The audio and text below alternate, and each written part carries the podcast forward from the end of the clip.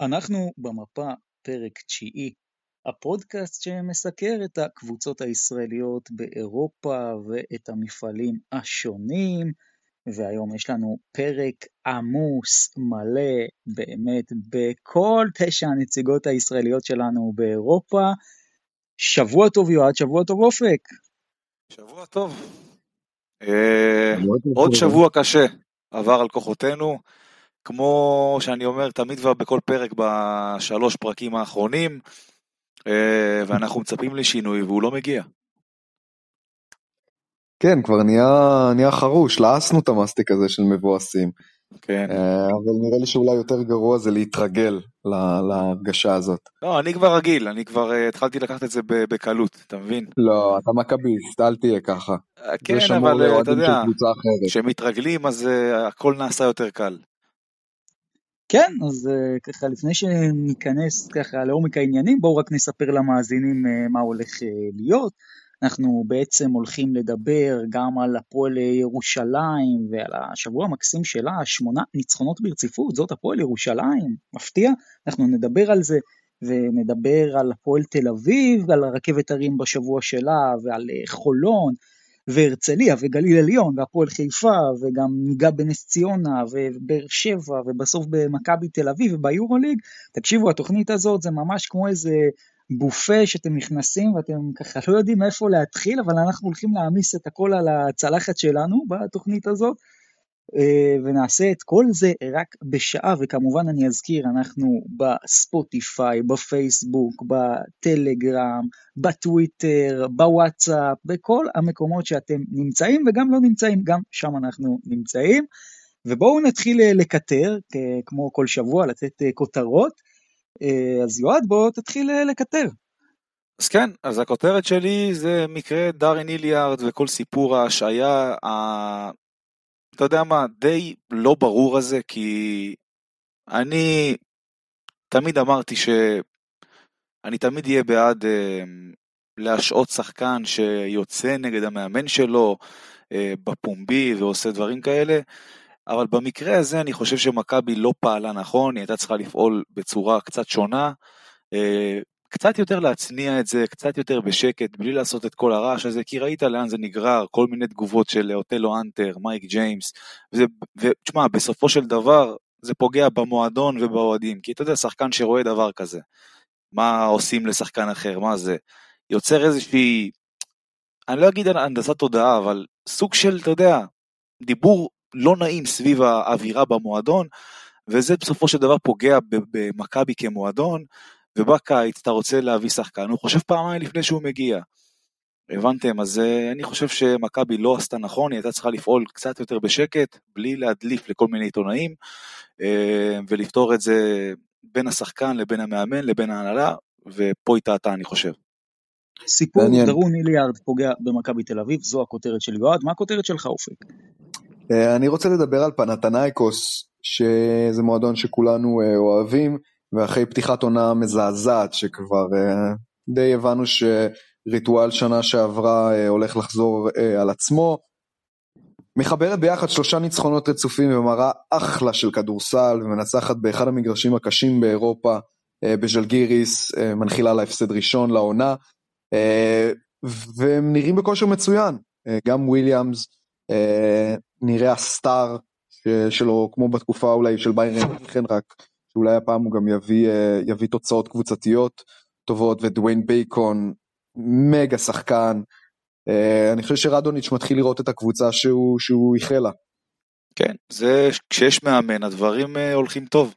הם פתחו בצורה נוראית, אם אתם זוכרים, תיקנו תוך כדי תנועה עם בייקון, והעסק שם מתחיל להתחבר. בהחלט, זה לגבי פנטינאיקוס ואנחנו גם נרחיב בסוף התוכנית, והכותרת שלי זה הם פשוט לא ברמה. בני הרצליה, הפועל גליל עליון, מקבלות השבוע הזה שתי תבוסות מחפירות באירופה, משחקים שנגמרים כבר ברבע הראשון, בני הרצליה שכבר חטפה מטנריף באולם היובל, לא לומדת את הלקח, מסיימת רבע ראשון בפיגור 20 הפרש, מסיימת גם את המשחק באותו פיגור, משחק באמת לפרוטוקול בלבד, והרצליה בצרות ופשוט מתבזית באירופה, ומי שהתבזתה עוד יותר זו גליל עליון שמפסידה בחמניץ ב-32 הפרש, רבע ראשון גם חוטפת 38 נקודות, קולעת רק 23, ואני חושב שזה קצת חבל, כי ידענו הרי שזאת תהיה התחרות, ידענו שזאת תהיה הרמה, וקבוצות שלא עושות את ההתאמה הזאת, עושות לנו שם רע בכלל לכדורסל הישראלי באירופה, וזה חבל מאוד שזה קורה. אז זו הכותרת שלי. ומכאן אנחנו נעבור לקבוצה שדווקא כן מצליחה בשבועות האחרונים, וקוראים לה הפועל ירושלים. שמונה ניצחונות רצופים, היא בעצם סוגרת גם ניצחון על קריית אתא, ממש לא מזמן.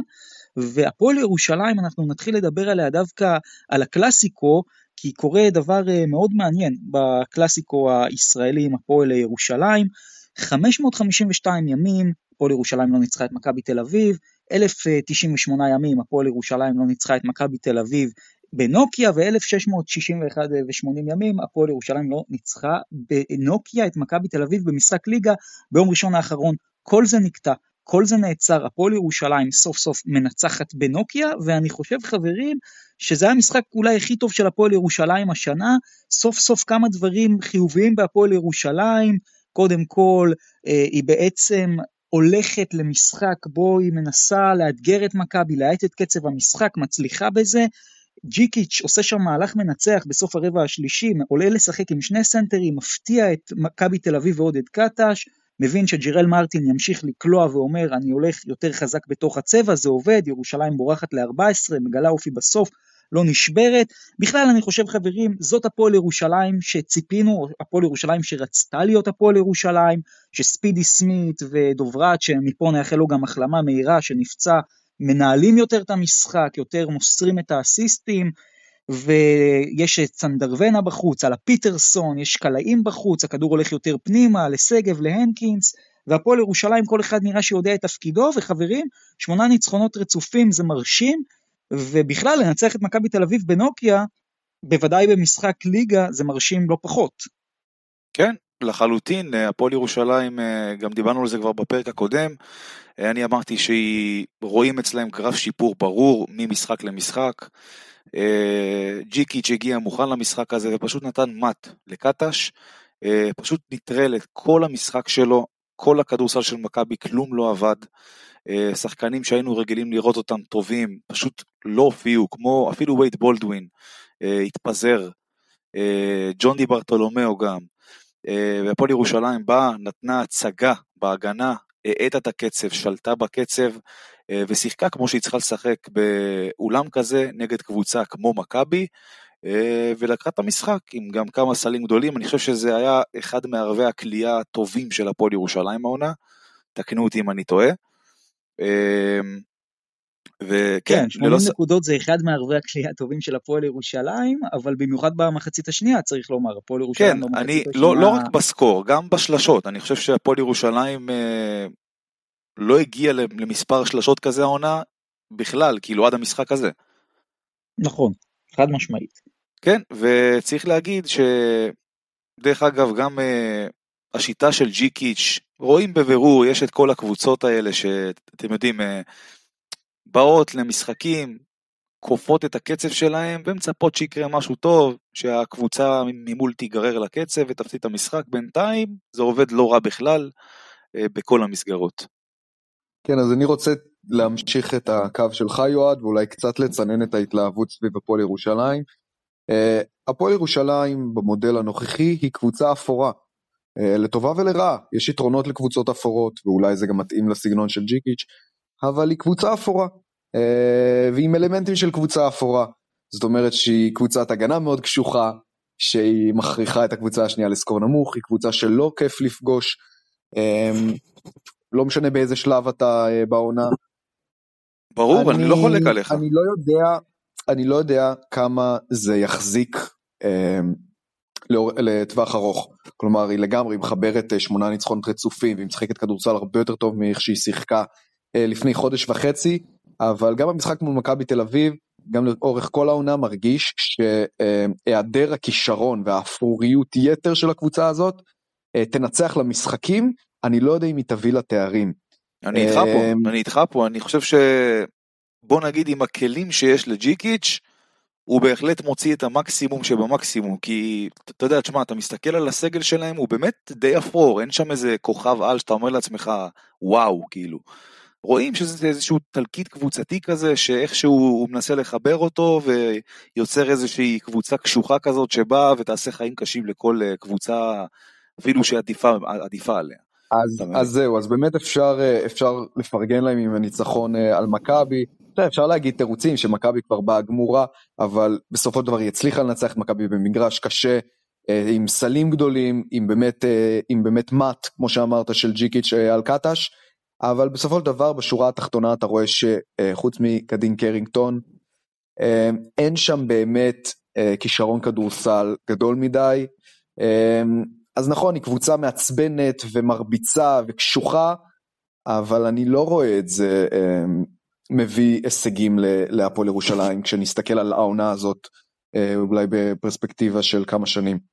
זה חושב כמוך. צריך לומר את זה ככה לדעתי חברים, הפועל ירושלים, נכון שהיא לא קבוצה עם שמות גדולים ולא עם סגל טוב, אבל כרגע זה נראה שהיא מוציאה כמעט את המאה אחוז ממה שיש לה והיא יכולה לתת, וגם צריך להודות באמת, התחרות של הפועל ירושלים, השנה היא לא כל כך קשה, ליגת האלופות היא לא ברמה מאוד גבוהה, זה נכון שלשלב בתים שני זה כבר יהיה יותר מאתגר, בטח להמשך אם הוא יקרה, אבל גם בליגה, חוץ ממכבי תל אביב והפועל תל אביב, ואולי קצת חולון, זה לא נראה שיש קבוצות שבאמת יכולות לאתגר מאוד את הפועל ירושלים, וראינו את זה גם ביום רביעי מול בקנבירס, הפועל ירושלים מגיעה למשחק הזה מול הקבוצה שהיא עכשיו רשמית, הקבוצה הכי גרועה בליגת האלופות, הקבוצה שעוד אין לה ניצחון, משחק שאומנם הפועל ירושלים לא מצליחה לברוח בו, אבל זה הרגיש מאוד יציב, מאוד בטוח, הפועל ירושלים כל המשחק שומרת את זה על החד ספרתי, מנצחת המשחק ומראה הרבה מאוד אופי במשחק שהיא שלטה בו לגמרי, וגם עכשיו, אה, ממש לא מזמן, מנצחת את קריית אתא במשחק מאוד מאוד tricky שכבר הובילה ב-18, ובעצם אה, קריית אתא כבר חוזרת להוביל, אבל ירושלים שוב מנצחת, ואני חושב חברים שיותר מהיכולת זה האופי. תראה, אני חייב להגיד לך משהו ש... אני חושב שהדרך לא משנה כל עוד מנצחים, כאילו, עם כל הכבוד אפשר להגיד שהם לא דרסו אותם, הם לא הראו איזה, איזושהי עליונות מטורפת, אבל באמת, כל עוד מנצחים, אני חושב שהדרך לא באמת משנה, וזה מה שקורה כרגע, וזה גם מה שקרה מול בקן בירס, והניצחון פה מעל הכל הוא הכי חשוב, אה, והפועל ירושלים אה, ממשיכה בדרך שלה. אבל אני לא מסכים שלהפועל ירושלים אין דרך. הפועל ירושלים, לדעתי, בחודש וחצי האחרונים, צריך לומר, מאז ה-19 לעשירי לא הפסידה, שמונה ניצחונות רצופים, ויש כן, דרך, כן, אני רואה כן, את הדרך. אוקיי, ש... אני, ברור שיש שיטה, והסרבי הצליח איכשהו אה, לייצב את הספינה, אם נקרא לזה ככה, וליצור איזושהי שיטה. אבל כשאני אומר דרך, אני מתכוון, ל, אתה יודע, ל... ל קבוצה מרשימה שבאה ודורסת. אין, אין לו את הכלים האלה, אין לו את הכלים האלה בשביל זה, לבנות זה קבוצה לא כזאת. DNA, זה לא ה-DNA שהתרגלנו לראות מהפועל ירושלים, בטח של העשור האחרון. נכון. זה באמת, באמת ג'יקיץ' הביא את, ה, את הכדורסל האירופאי היוגוסלבי יותר לבירה, וזה לא מה שהאוהדים התרגלו. אם זה יעבוד ויביא ניצחונות, ברור שכולם יהיו מרוצים. אני איתך, דרך אגב. אנחנו רואים, את, אנחנו ד... רואים את, את, את הקבוצות הסרביות לדוגמה, את הכוכב האדום, שלא משנה, תחליף שחקנים, תחליף את כל ה-12 שחקנים, DNA של מועדון נשמר. הם תמיד ישחקו בסגנון ההגנתי הזה, ותמיד יהיו קבוצות מעצבנות ומרביצות. אמ, ואצל הפועל ירושלים אנחנו רואים שינוי בזה, אם יעבוד אחלה, אם לא יעבוד, אני חושב שהם יחזרו למודל ה... שהם התרגלו אליו ביותר בשנים האחרונות, היותר אה, אמריקאי, הסקורר הגבוה, המבול כישרון. כן, אני איתך, תשמע, אבל כשאני אומר אה, שהניצחון הוא מעל הכל והדרך לא משנה, אני מתכוון לזה שאתה יודע, גם במשחק האחרון מול קריית אתא בליגה, אני לא ראיתי שם איזשהו משהו מיוחד. אה, הפועל ירושלים אמנם הובילה בהפרש כבר גבוה, והצפונים כבר חזרו, וזה נהיה איכשהו קצת צמוד, ואתה יודע, איכשהו בסוף גירדו את הניצחון, אבל בסופו של דבר הניצחון הוא מה שחשוב, ולזה אני מתכוון שאני אומר שהדרך לא משנה. אפשר לא, גם להיראות... אבל לכל יש פה חברים גם דברים קטנים שאולי אתם לא שמים לב אליהם, של ליוואי רנדולף לאט לאט נכנס לעניינים, משחקים אחרונים כבר מתקרב כל משחק ל-20 נקודות, סנדר ונה פתאום, אה, שחקן שהיה כבר בדרך לאסטוניה בחזרה, כן? נכנס לקצב, אז, כן יש פה דברים שקורים, זה לא רק כן, שהפועל כן, ירושלים ברור. מנצחת out of nowhere. כן, העסק שם מתחיל להתחבר ללא ספק, אבל כמו שאופק אמר מקודם, אני לא חושב שזה באמת יכול להביא להפועל ירושלים איזשהו תואר. ולהביא אותה לגבהים מטורפים בעונה הזאת. שוב, הכל שאלה גם מה השאיפות, כאילו, אתה יודע, יש תחילת עונה, קיץ, בונים קבוצה, לאן הפועל ירושלים השנה שואפת להגיע באירופה? לאיזה שלב? פיינל פור? זה אין ספק. פה, פה יש שאלה, וככה בואו נסכם את זה שהמבחן הגדול של הפועל ירושלים הולך להיות בשני משחקי החוץ הקרובים, מול דרושפקה ולודוויסבורג בחוץ, קודם המשחק בגרמניה כמובן, שבעצם הניצחון גם של דרושפקה בגרמניה אה, בכלל מסבך את הבית של ירושלים, כי גם אם היא אפילו תנצח משחק אחד, היא עלולה למצוא את עצמה במקום השלישי, שאומנם הוא מקום שעדיין מעפילים ממנו, אבל בלי יתרון ביתיות, כנראה מול ליסבון שנראית לא רע בכלל, אז זה בהחלט המבחן הגדול של הפועל ירושלים, שני משחקי החוץ באירופה, ומהפועל ירושלים בואו נעבור להפועל תל אביב, שבוע מאוד uh, מטלטל להפועל תל אביב, היא בעצם מביסה את גליל עליון, ואז מפסידה לבודצ'נוס בבית, ואז uh, מנצחת בחולון. הפועל תל אביב, אני רוצה רגע להתמקד דווקא במשחק האירופי שלה קודם כל, אז אנחנו דיברנו על הפוטנציאל וזה, אבל בסוף הפועל תל אביב מפסידה למה שנקרא שלושת הגדולות של הבית הזה, והאם פשוט ניפחנו יותר מדי את האוויר בבלון של הפועל תל אביב בעניין האירופי? מה אתם חושבים? אני, אני לא חושב, אני לא חושב. קודם כל הם הגיעו בלי ג'קובן בראון, שזה השחקן שאתה יודע, מוביל שם את כל הסירה. אה, ותראה, לכל קבוצה יש תקופה פחות טובה, ואני חושב שאצל הפועל תל אביב התקופה הזאת מגיעה עכשיו, ומבחינתם גם טוב שהיא באה עכשיו, ולא בשלב יותר מאוחר. אה, הפועל ירושלים, אה, סליחה, הפועל תל אביב גם הפסידה, אפשר להגיד שהיא הפסידה לשתי קבוצות שעדיפות עליה, על הנייר, אם כבר מדברים. אה, וצריך להגיד, שוב, אתה יודע, מקודם דיברנו על הסגנון היוגוסלבי הקשוח, הפועל תל אביב פגשה פה קבוצה יוגוסלבית פר אקסלנס קשוחה, שבאה ופשוט רמסה אותה, נטרלה את כל מה שהיא רגילה לעשות בקלות, וכש, וגם שבלי ג'קובן בראון זה עוד יותר קשה. וצריך להגיד שהפועל תל אביב תצטרך, אה, אתה יודע, לעשות חושבים אה, ולראות איך אה, מוציאים את העגלה מהמשבר ולחזור למסלול הניצחונות באירופה.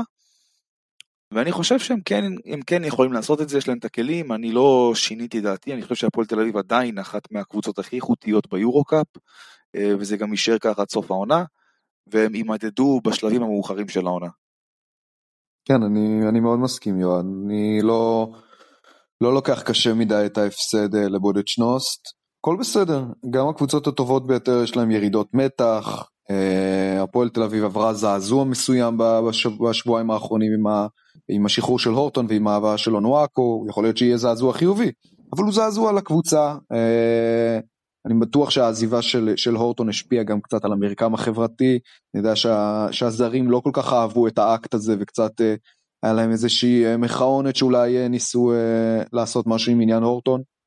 מנסים להכניס את אונואקו לשטף המשחקי, והכל בסדר, אה, אי אפשר לנצח את כל המשחקים, היה משחק גרוע אה, של הפועל תל אביב, עם 16% אה, ל-3 לדעתי. בקיצור, גם האחוזים מהשדה נמוכים מאוד. כן, כן, אה, אבל הם, הם באו לא, ופשוט לא, לא חיסלו אותם.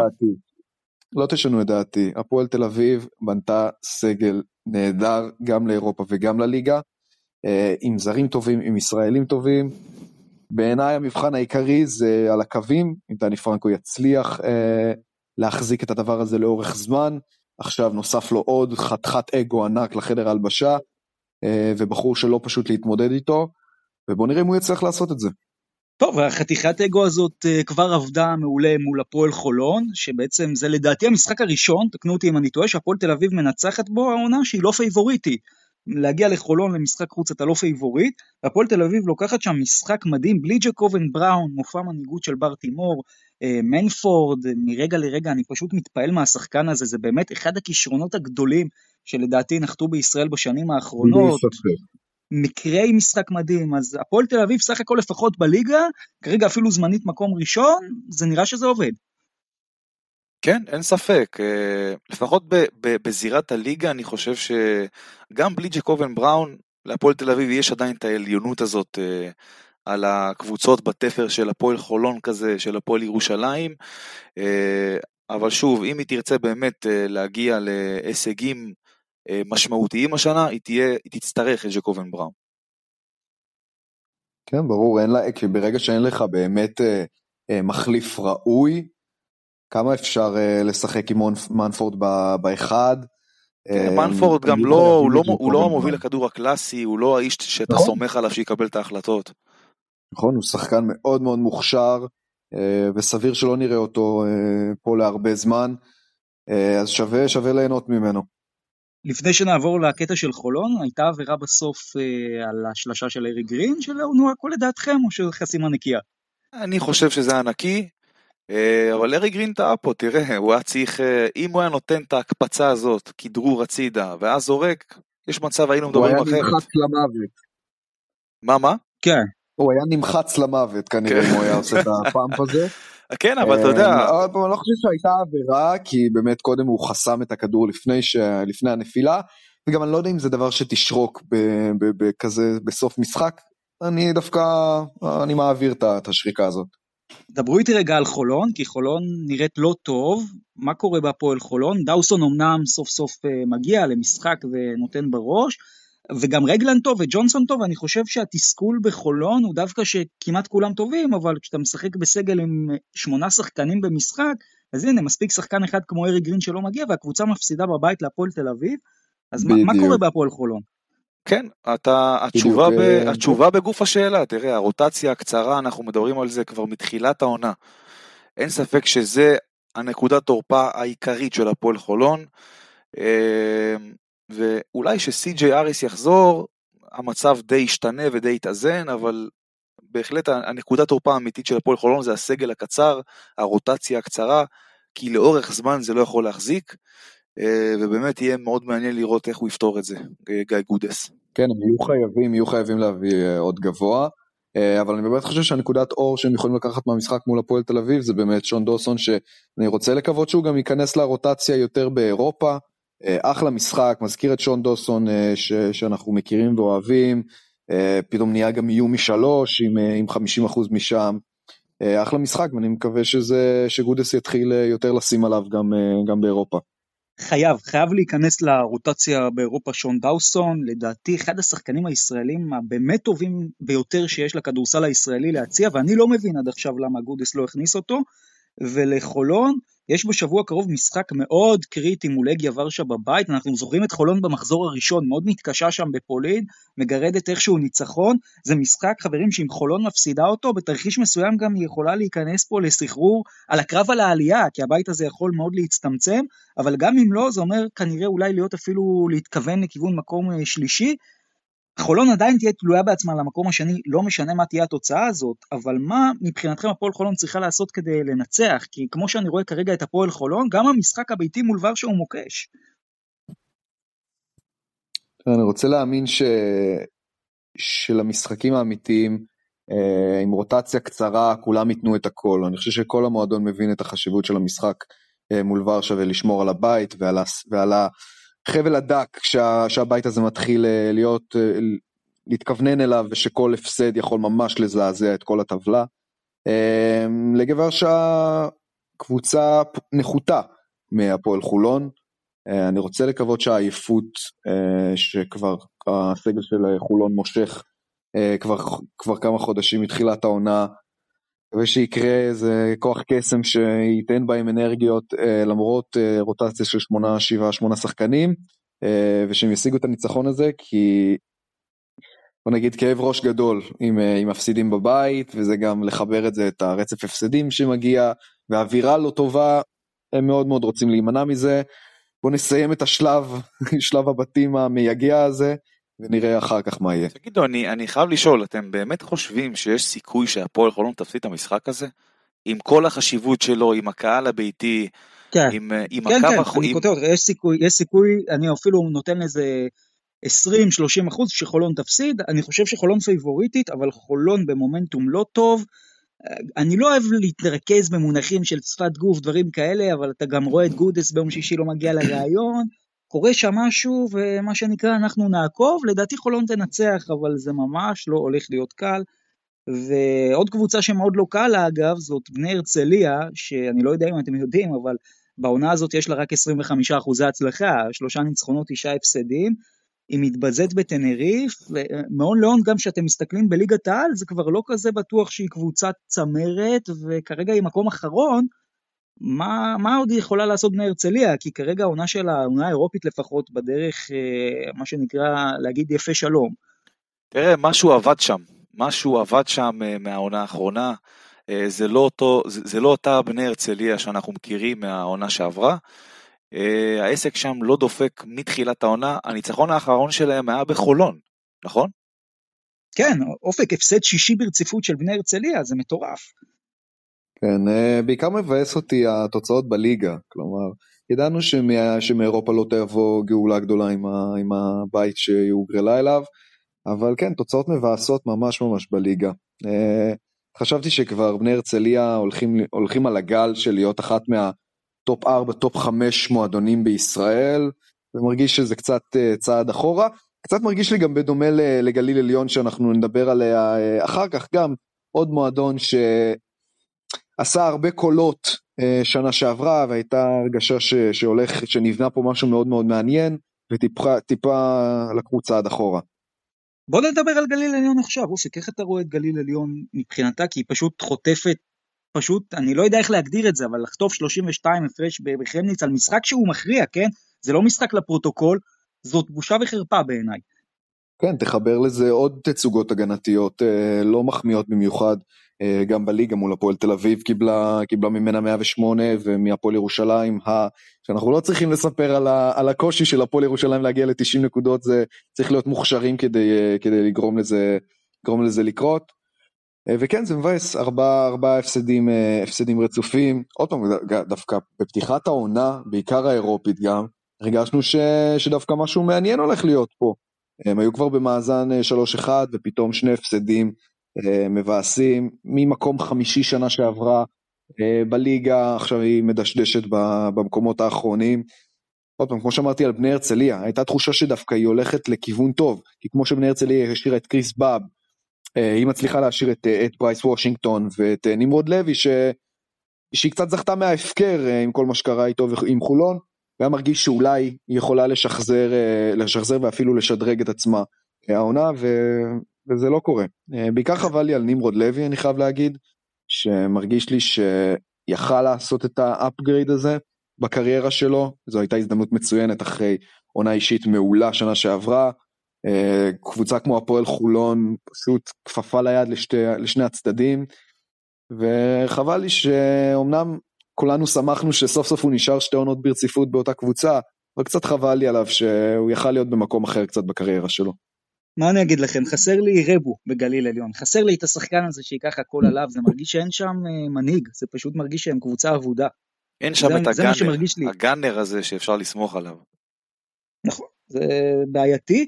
טוב, אה, אם גליל עליון לא מצליח, אז לפחות יש קבוצה אדומה בצפון שכן מצליחה, ועושה את זה דווקא יפה מאוד, וכל הכבוד, זאת הפועל חיפה.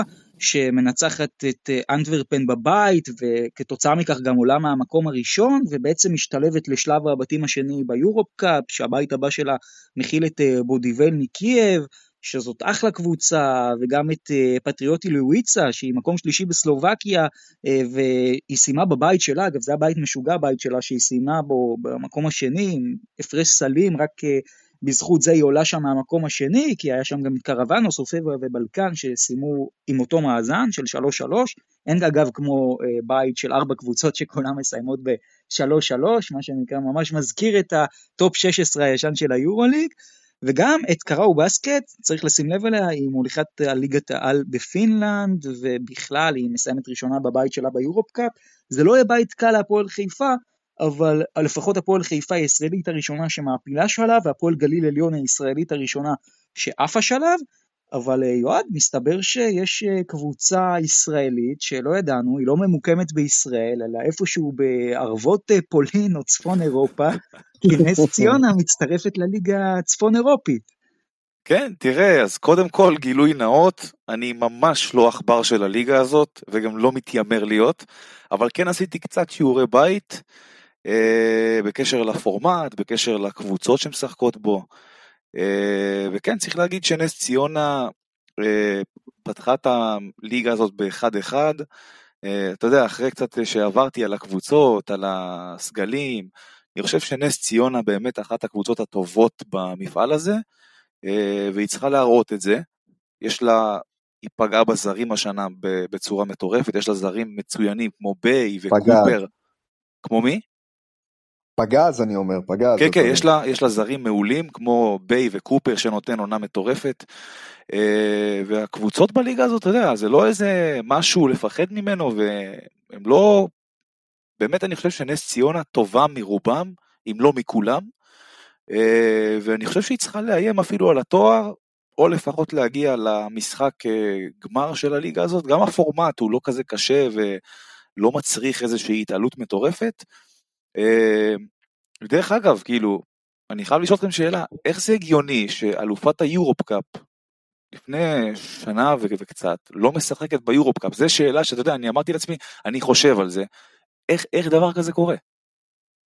אתם יכולים לענות לי על זה או שאתם לא יודעים? אני אגיד לך מה מפתיע, מה, מה שמפתיע זה ששנה שעברה היא לא שיחקה בליגת האלופות, שזה היה הדבר הטבעי ביותר. לא ברור לי, לא ברור לי גם כמה זה היה נס ציונה וכמה זה היה פיבה, אבל זה פספוס גדול מאוד, כי לדעתי לנס ציונה יש מקום באירופה בבמה הראשונה, אפילו בליגת האלופות של פיבה, זו קבוצה כבר עם מסורת, כמה כן, שנים, כן, אין שום איתך. סיבה שלא. אני איתך ללא ספק. לגמרי, העונה בטח. אבל העונה אתה יודע... תוציאו רגע את הארבע הגדולות, תוציאו את הארבע הגדולות של הכדורסל הישראלי, מיד אחרי נס ציונה. אה, אף קבוצה, תאמינו לי, לא רוצה לפגוש אותה בסדרה במאי. נכון.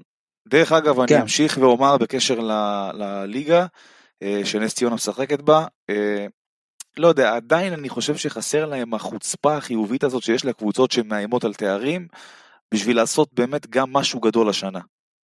עדיין אני חושב שחסר להם את זה, ואני מקווה מאוד שהם יצליחו אה, לעשות את זה השנה ולקחת עוד תואר אירופי. רגע, אבל מה, מה המסקנה הסופית? נס ציונה בסוף, איפה זה? בפולין, באסטוניה, בליטא, איפה זה נס ציונה?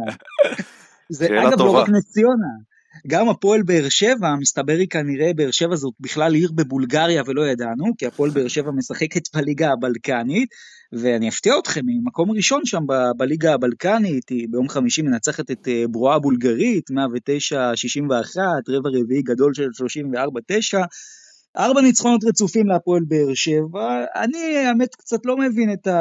אתם יודעים, ליגות אירופיות, יורו ליג, יורו קאפ, BCL, יורופ קאפ, סבבה. אבל הקטע הזה של פתאום להשתחל לכל מיני ליגות בצפון אירופה, מזרח אירופה, לא יודע, מרגיש לי קצת תקוע כזה. תראה, הבלקנית הפכה לשק חבטות של הקבוצות הישראליות אה, בעשור האחרון. כמות הקבוצות שזכו במפעל, גם אני זוכר הפועל גלבוע עשתה שם double לדעתי עונה אחרי עונה, והפועל חולון זכתה שם, ואולי גם הפועל אה, באר שבע תזכה הפעם. כן, זה, זה ליגת שעשועים כזאת. אני לא נגד, אמרנו, לשחק בשתי מסגרות, אה, לרוב, זה, לרוב זה מועיל לקבוצה. אה, אני, אני, עוד זוכר את ה, אני עוד זוכר את התעודת ביטוח שהליגה הבלקנית ארגנה לליגה הישראלית, אז בקורונה, אם אתם זוכרים את זה. נכון. זה באמת היה אחד הדברים המדהימים שאני ראיתי בחיים. בסדר חברים, מה נתלונן? בסוף עוד כדורסל, עוד אירופה, למה לא? והפועל באר שבע ביום שני הולכת לפגוש את מכבי תל אביב, הפועל באר שבע מגיעה עם ארבעה ניצחונות רצופים, מכבי תל אביב מגיעה למשחק הזה עם שלושה הפסדים רצופים, ובואו חברים נתחיל בחלק השני של התוכנית ונדבר על מכבי תל אביב. איך אה, אמרנו בירושלים הרבה מאוד פעמים, קטסטרופה, לא? זאת ה... זה המרגש לפחות. לחלוטין, לחלוטין, איי, קטסטרופה. איי, לא שמעתי את הביטוי הזה האמת, פעם ראשונה, לא יודע, אולי חייתי... לא שמעת כי לא, לא היית בפורומים של ירושלים, אבל לא? חבל על הזמן. זה יפה, זה יפה. כן, אז uh, בהחלט, uh, כמו שדרור אמר, קטסטרופה. Uh, וצריך להגיד ששוב, אין חדש תחת הקטש, אם נקרא לזה ככה. עוד פעם, 100 נקודות, בלי שום בעיה, מקבוצה שקולעת בסך הכל 73 נקודות בממוצע למשחק העונה ביורוליג. אה, אני חושב שבאמת, כל יריבה שפוגשת את מכבי השנה, אומרת לעצמה, איזה שיא אנחנו יכולים לשבור היום? שיא בנקודות, שיא בריבאונד, איזשהו שיא נשבר, אתם מבינים? זה הקטע פה, ואני באמת okay, חושב... יש מילאנו עוד שבועיים, שבכלל... אה, מילאנו, כן. מול מכבי, קודם כל, כמו, לסאם. קודם כל, יש מילאנו, כן, עוד שבוע וחצי, אם בכלל קטש יגיע למשחק הזה. צריך להגיד. אתה מסכים איתי. תשמע, בסוף מכבי מגיעה למינכן, אמנם קולעת 89, חוטפת 98, צריך לומר, לורנזו בראון היה רחוק סל אחד מלהפוך לשחקן ששובר את שיא הנקודות למכבי תל אביב במשחק כן. ביורוליג. אגב, השיא 36 נקודות, השיא של הוא של סקוטי, שרס. השיא של סקוטי אני חושב? של סקוטי אני חושב. אני זוכר את שרס 37 נקודות כן, כן, נכון. נכון, כן, סקוטי, סקוטי השווה את השיא בעונה שעברה. מול מונקו. כן, נכון. אז לורנזו בראון ממש היה רחוק מזה שתי נקודות, בכלל נתון מדהים, כי לורנזו בראון ואדמס 64% מהנקודות שמכבי קולעת, זה הם קולים, לורנזו כן, 36, אבל זה, אדמס 21, ולורנזו יועד אחראי על 60% מהנקודות של מכבי, כי הוא גם הוסיף כן. איזה שבעה אסיסטים. שוב אבל צריך להגיד, זה, זה עוד אה, סיפור שמספר את, הסיפור, את המצב של הקבוצה. אתה מבין? זה...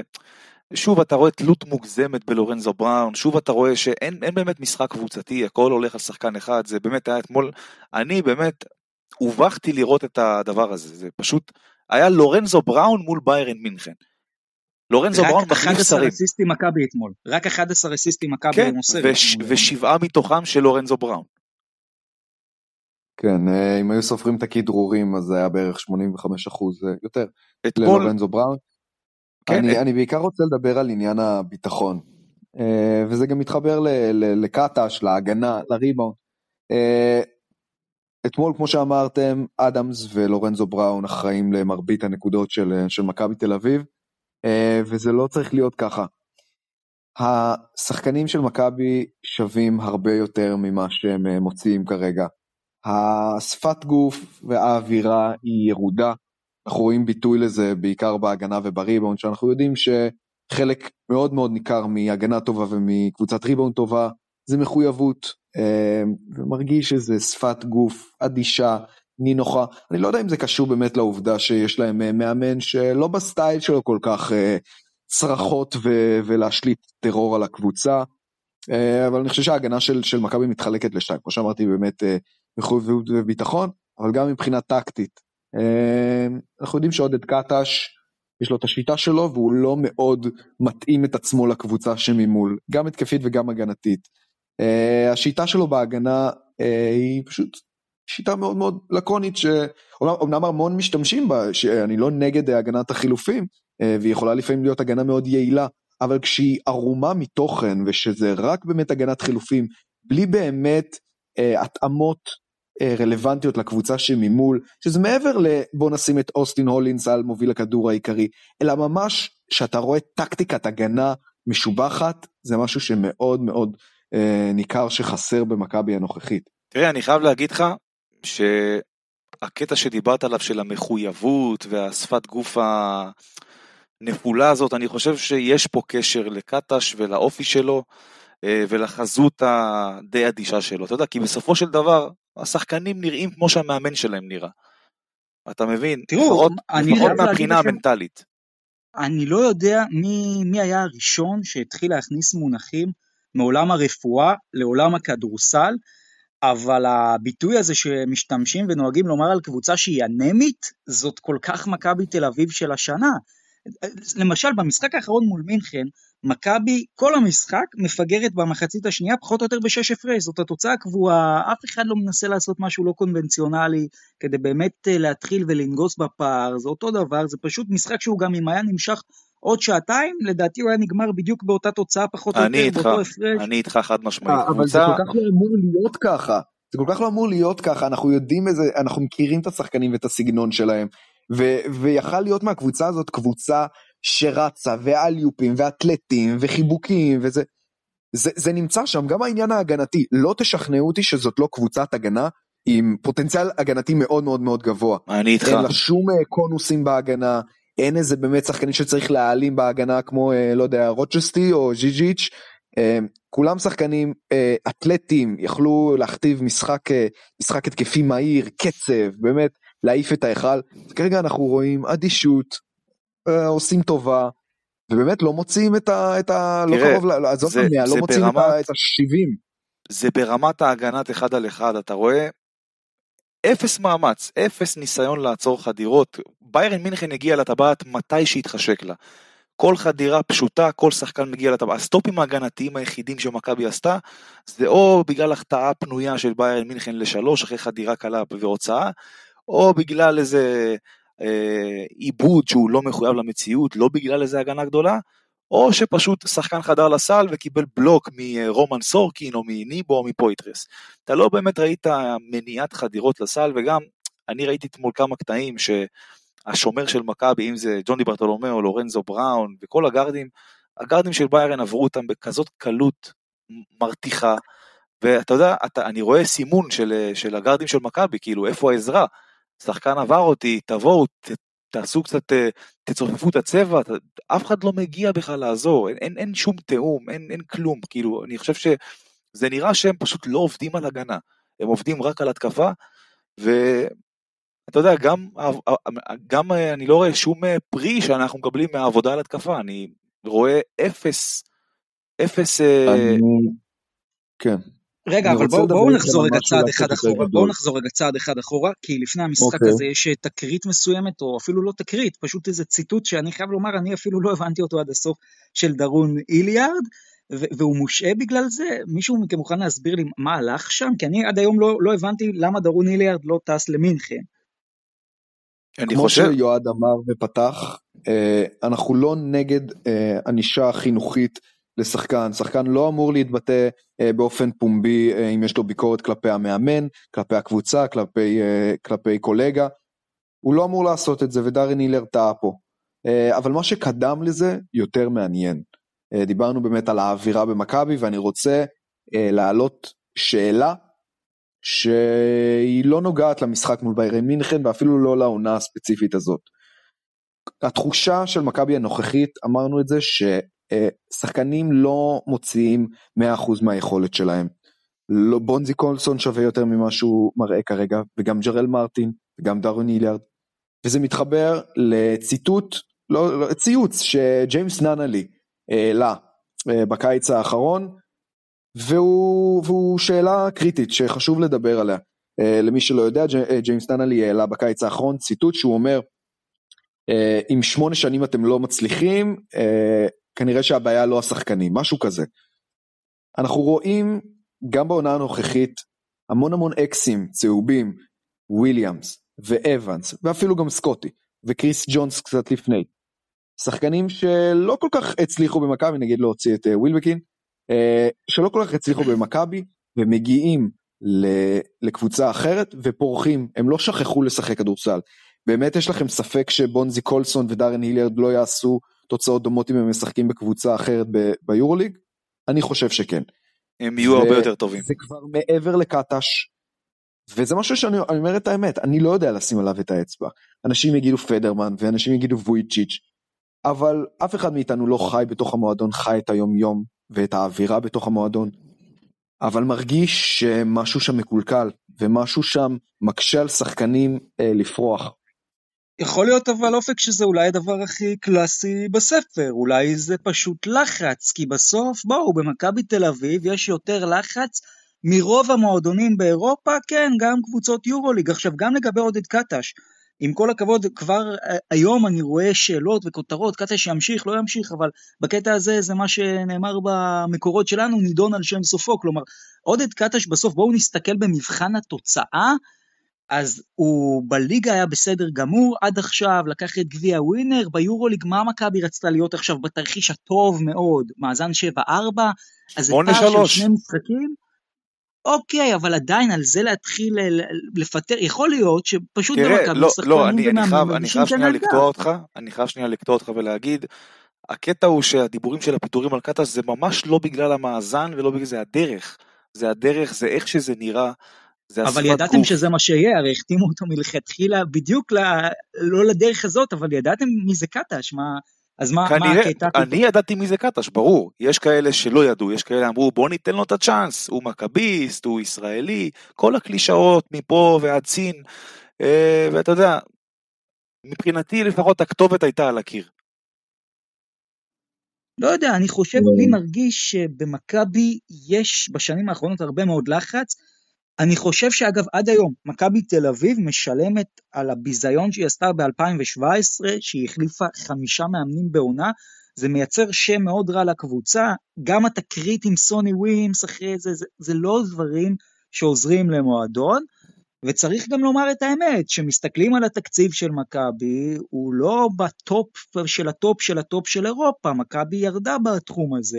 זה וגם, גם- שוב, זה גם לא השאלה מה תירוץ. ההצלחה, אתם רוצים כל שנה לזכות ביורוליג עם תקציב של מקום 10-11? קצת לא ריאלי, חברים. קו- קודם כל אף אחד לא דיבר על זכייה ביורוליג, ואתה יודע, גם כשאתה אומר לחץ, זה פופולרי מאוד להגיד לחץ, אבל גם בשנים גדולות של מכבי היה לחץ, והצלחנו למרות הלחץ. אני חושב שבמכבי, אני לא זוכר קבוצה קרוב כבר לעשור, שבאמת ראית שיטה, ראית דרך. אפילו בעונה הגדולה שלנו ב-19-20, זה הכל היה כל כך שבלוני, זה הכל היה בנוי על אחד על אחד.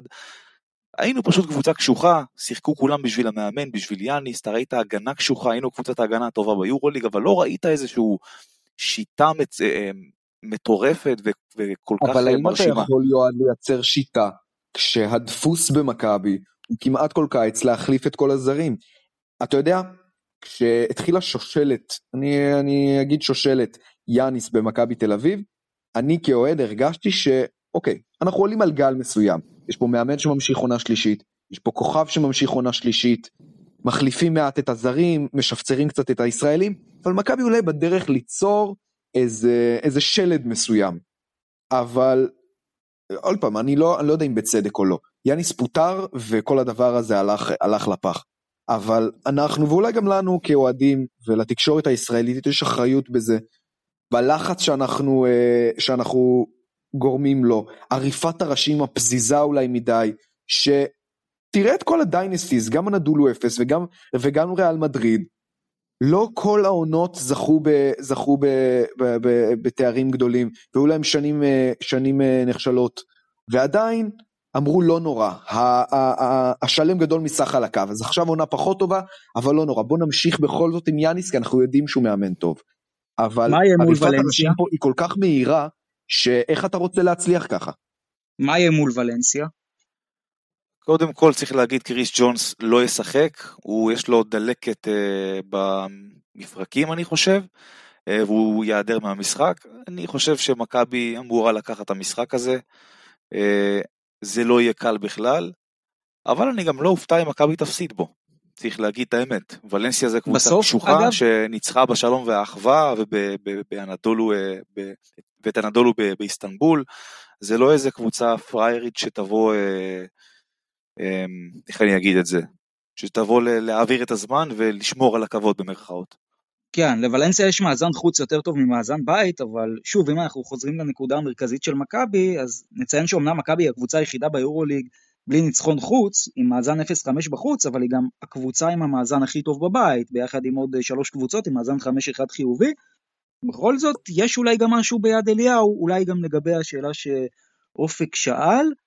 בואו רגע נעבור לדבר על המחזור האחרון של היורוליג בכלל, על המחזור ה-11, זה כבר נהפך פה לריטואל קבוע, אבל אין מה לעשות, אני חייב את זה. מילאנו, מסינה, מפסידים, חוטפים בבית, כאילו מה, זה, זה, זה עומד להיגמר מתישהו? כאילו כל מחזור אנחנו בטוחים שזהו, זה נגמר, מילאנו חוזרת לעצמה, ומילאנו פשוט שוברת כל מחזור שיאים אה, שליליים, אחד אחרי השני. כן, אין ספק, תשמע, זה כרגע לא נראה קרוב ללהיגמר. דרך אגב, אה, דיווח אחרון מהיום האחרון, שיש להם איזשהו סוג של סיכום עם פקונדו קמפצו, אה, הם הולכים אה, לצרף אותו, ואחרי זה יצא דיווח אחר שטוען אחרת, אבל זה לא העיקר פה. כן, מילאנו שוב לא מצליחה לגרד את ה-70 נקודות, נראית גרוע מאוד, אבל אתם יודעים, הם התאוששו מול מכבי, זה די ברור לכולם. אה, וצריך להגיד שמסינה באמת, אני חושב שהוא אפילו כבר עובד עצות ובאמת לא יודע מה לעשות ואיך לפתור את הבעיה הזאת. אה, אפילו בריאיון שלו אחרי המשחק הוא אמר שהוא מאוד מאוכזב אה, ושהוא דיבר על להתרכז במשימות שלהם בליגה האיטלקית, כאילו, אתה יודע, אתה, אני, אני, אני בתור אחד שמסתכל מהצד, איך זה נשמע? כאילו, מה, אתה מוותר כבר על, על, על, על העונה של היורוליג? אתה מדבר איתי על אגב, ליגה איטלקית? בתשובה, בתשובה לשאלה שלך, גם מילאנו, אם אנחנו מסתכלים 8-10 שנים אחורה, זה די אותו סיפור כמו מכבי תל אביב, לא? נכון? אבל הנה, אה, אה, עניין מסינה דווקא קצת אה, מחזק לי את מה ש- שדיברתי קודם על עניין מעמד המאמן. האם אתם חושבים שהטורי מסינה כבר לא מאמן כדורסל טוב? שכח לאמן כדורסל? סביר להניח שלא. הוא לא אה, שכח, לא, אבל זה עניין של לא סיטואציה. דינמיקה אני- הוא לא מה? פרק קדושה. אני חושב? שהוא שייך לדור הישן יותר, והוא פחות רלוונטי לדור הזה של הכדורסל, אבל. לא, כדורסל הוא לא שכח לאמן, אה, ואם אתה, אתה יודע, אתה, אם אתה עושה את ההשוואה, כאילו, אם עכשיו מילאנו עם שבע הפסדים רצופים, ואתה אומר, אז למה שקטש יהיה מפוטר, אם מסינה נשאר בו, זה צריך... לא, לא, לא, אני לא, לא בהכרח משווה בין המעמדות של קטש ומסינה, פשוט, מה, בעונה אחת באמת הכדורסל עשה איזה קפיצת מדרגה, אה, הכדורסל האירופאי? לא, שנה שעברה מילאנו כמעט כל העונה הייתה במקום, במקום הראשון חוץ מהדשדוש לקראת הסוף. אה, מסינה לא שכח לאמן כדורסל, לפעמים בכדורסל דברים לא הולכים. אה, נכון. אני לא יודע מה יהיה עם מסינה, אוקיי? אני לא יודע אם הוא יישאר שם, אם, אה, אם יזעזעו שם את, ה, את הקווים. לא, לא יודע, אבל אני קצת רוצה להסתכל על מכבי תל אביב בפרספקטיבה קצת יותר גדולה. אה, כמו שנתי אמר, אנחנו, אנחנו מועדון שהוא מקום תשיעי עשירי בערך בתקציב שלו אה, באירופה. כרגע אנחנו כולנו אה, עצבניים ו- וזה, כשמכבי במקום, התשיעי באירופה. מה ציפיתם להיות במקום השלישי הרביעי נכון גם אני עצבני על הדרך וגם אני מבאס אותי שחוטפים אה, 90 נקודות ב- ב- ב- בקהל אבל אנחנו קצת צריכים לשנות את כל איך שאנחנו מסתכלים על קבוצת כדורסל אה, ומאוד קשה להצליח פה מאוד מאוד קשה להצליח פה וזה לא רק פדרמן וויצ'יץ' אה, וכולי. אני אגב במחזור האחרון מאוד הופתעתי מהניצחון של ולנסיה בבלגרד. אני ממש לא הופתעתי. אני די צפיתי את זה, אה, וגם צריך להגיד שפרטיזן בלגרד כרגע איכשהו שומרת על הכבוד של מכבי, כי אני חושב שאחרי מכבי היא קבוצת ההגנה הכי גרועה ביורוליג. כן, נכון. מכבי ספגה עד כה 931 נקודות פר 40 דקות ופרטיזן 939, אבל איך תדע, ולנסיה אז- קולעת לא מעט ראינו. נכון, היה שם הערכה גם במשחק הזה, זה לא היה כן, אבל זה איזשהו פר 40 טיול. דקות, פר, לא פר צריך 40 דקות גם ש- פרטיזן 960 ומשהו. לנצח בבלגרד זה תמיד קשה, לא משנה איזה קבוצה יש להם ומי השחקנים, ואם יש להם כוכבים או אין להם כוכבים. אה, וכן, ולנסיה עושה את העבודה, וצריך להגיד שוולנסיה תבוא לפה, לתל אביב, ותעשה לנו חיים מאוד קשים, במיוחד סביב כל האווירה העכורה שכרגע נמצאת במועדון, סביב קטש, איליארד וכל הסיפור הזה וההפסדים, אה, והולך להיות משחק מאוד מאוד קשה למכבי. דברו איתי על ריאל מדריד, לאור התוצאה האחרונה הזאת אה, למעשה רשמית עכשיו, הקבוצה הכי חמה ביורוליג. לא יודע אם הכי חמה. אה, עוד פעם, מאזן, אה, האווירות פה משתנות אה, פר מחזור, אה, אבל ניצחון אה, גדול. אני חושב שזה הפסד, הפסד בית ראשון של, אה, של כן. פנרבכצ'ה, אה. שתי הקבוצות, כנראה שאפילו בפער אה, הטובות במפעל הזה.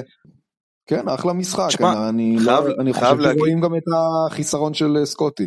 חייב להגיד שריאל מדריד נתנה חתיכת הצגה במשחק הזה, אני ראיתי את כולו. לגמרי.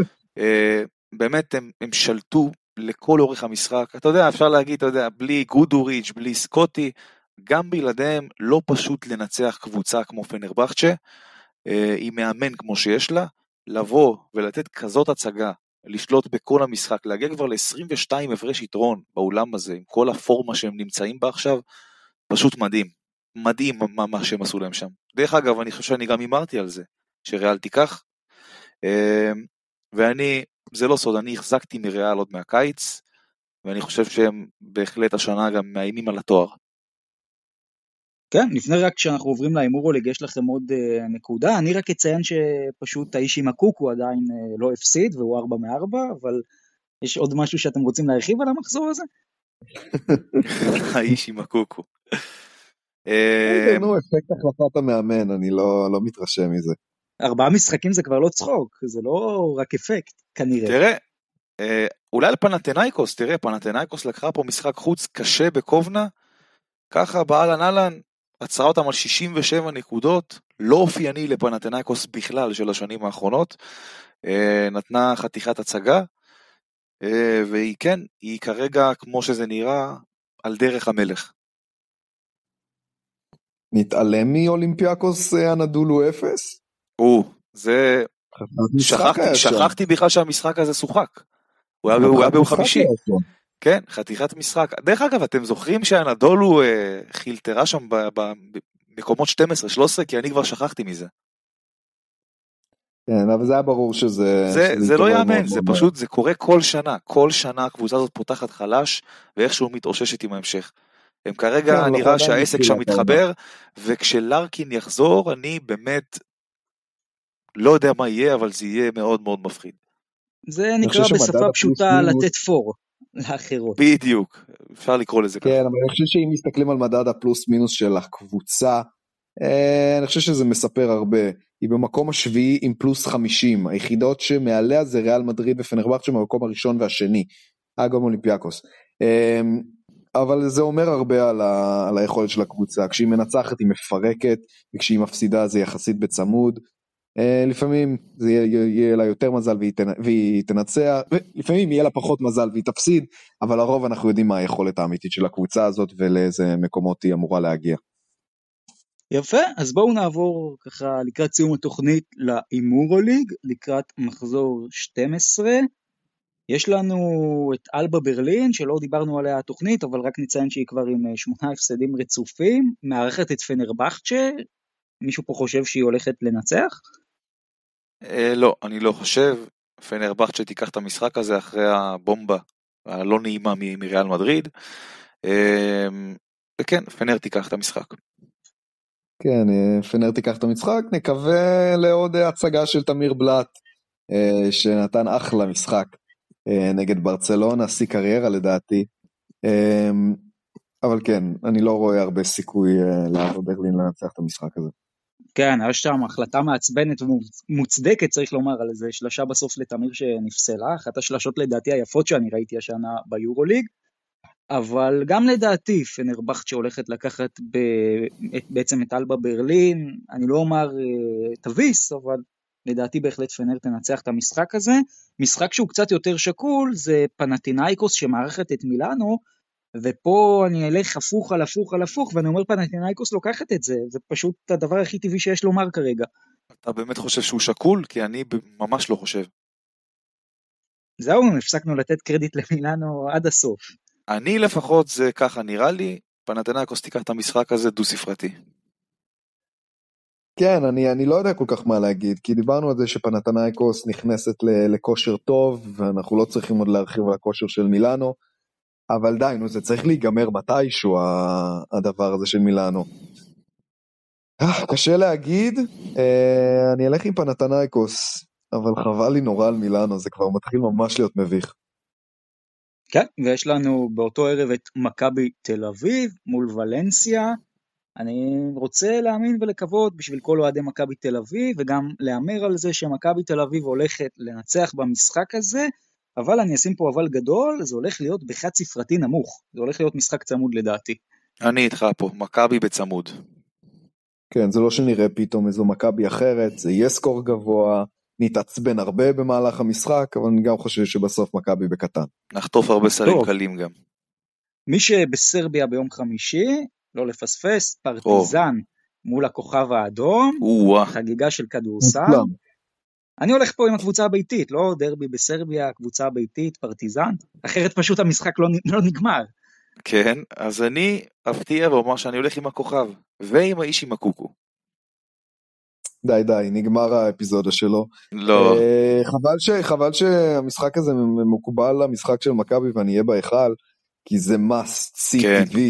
הדבר הזה, סוף סוף הבלגרדיות uh, נפגשות בזירה הכי גדולה uh, באירופה. לפני כמה ימים היה, היה דרבי, uh, דרבי שם, והכוכב האדום ניצחה, אמנם זה היה, זה היה במשחק בית של הכוכב, אה, אבל אני חושב שיהיה פה נקמה של פרטיזן ש, שתנצח. וואו, איזה משחק, אלוהים. כן, ומשחק אחרון ליום חמישי הקרוב, ריאל מדריד, מארחת את מונקו, משחק צמרת פר אקסלנס, אבל לדעתי ריאל פייבוריטית וריאל תיקח, ואפילו בפער מכובד. אני איתך ריאל מדריד, דו ספרתי. כן, כן, אני גם אלך עם ריאל בדו ספרתי. וביום המשחקים למחרת, ז'לגיריס קובנה, מערכת את הנדולו, שוב לא משחק קל בקובנה, אבל הנדולו לוקחת, אתם חושבים אחרת? לא, מכונה משומנת, הנדולו התאוששות, הנדולו אה, תיקח את זה, אתה יודע מה, אפילו בקלות. כן, אני חושב שמשהו קצת התערער במבצר הזה שהפך הז'לגיריו ארנה, אמ, והסכר קצת נפרץ, ואני גם אלך עם אנאדולו המוכשרת. ובקרב היווני-איטלקי אולימפיאקוס מארחת את בולוניה, איך אתם חושבים זה נגמר? אולימפיאקוס מביסה. כנ"ל. אז אני אפתיע את שניכם, אני חושב שלא רק שאולימפיאקוס לא מביסה, בולוניה יוצאת עם אה, ניצחון מהיכל השלום והאחווה. אני מרגיש את זה. כן, זה, זה לדעתי. אני הולך פה עם וירטוס, עוד אה, משחק מעניין מאוד, בסקוניה מארחת את ביירן מינכן, פה אני כן אלך עם הקבוצה הביתית עם בסקוניה. האם אה, מינכן יכולה לנצח? מה אתם אומרים? אני לא חושב, אני גם אלך עם בסקוניה בבית, קבוצה טובה יותר לפחות כרגע, וכן, אני אלך עם בסקוניה. לא כל יום מכבי תל אביב. בדיוק ככה. ואנחנו סוגרים את המחזור עם אה, ברצלונה שמערכת את וילרבן, טוב הימור די אולטימטיבי, אלא אם כן אתם רוצים להפתיע אותנו? אה, לא, ברצלונה תיקח דו ספרתי. כן, מירוטיץ' הנבלה הזה, זה לא יאמן, שחקן שחוזר אחרי חצי שנה בחוץ. רק חזר, רק חזר, טאק 25 מדד, בלי למצמץ בכלל. נבלה. כן, ברצלונה תנצח. טוב, אני כדי לתת לווילרבן סיכוי ולנכס טיפה את ברצלונה, אני אומר ברצלונה ב-35 הפרש, אבל כן, זה, לדעתי קשה שלא להמר על זה, אז אה, אני הולך עם ברצלונה. טוב, אנחנו סוגרים עוד uh, תוכנית, uh, פרק הבא אנחנו בכלל uh, משנים קידומת, עוברים לפרק עשירי, שזה יפה מאוד, ואנחנו גם ככה נסכם את השבוע הגורלי של חולון, הפועל תל אביב, באירופה, ואנחנו כמובן אה, נדבר ונתכונן לקראת השבוע הכפול שהולך להיות למכבי תל אביב, שוב, כרגיל, אה, אני הייתי דרור, מאוד נהניתי איתכם יועד ואופק, ושיהיה לכולם שבוע נהדר חברים. שבוע נהדר, היה כיף מאוד, נתראה בשבוע הבא. שבוע טוב חברים, ביי ביי.